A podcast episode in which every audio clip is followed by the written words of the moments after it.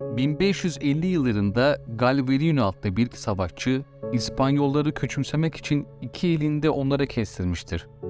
Şili'ye yani evine döndüğünde ise bir ordu kurmuş ve iki koluna bağlı olan kılıçlarla İspanya ile savaşmıştır.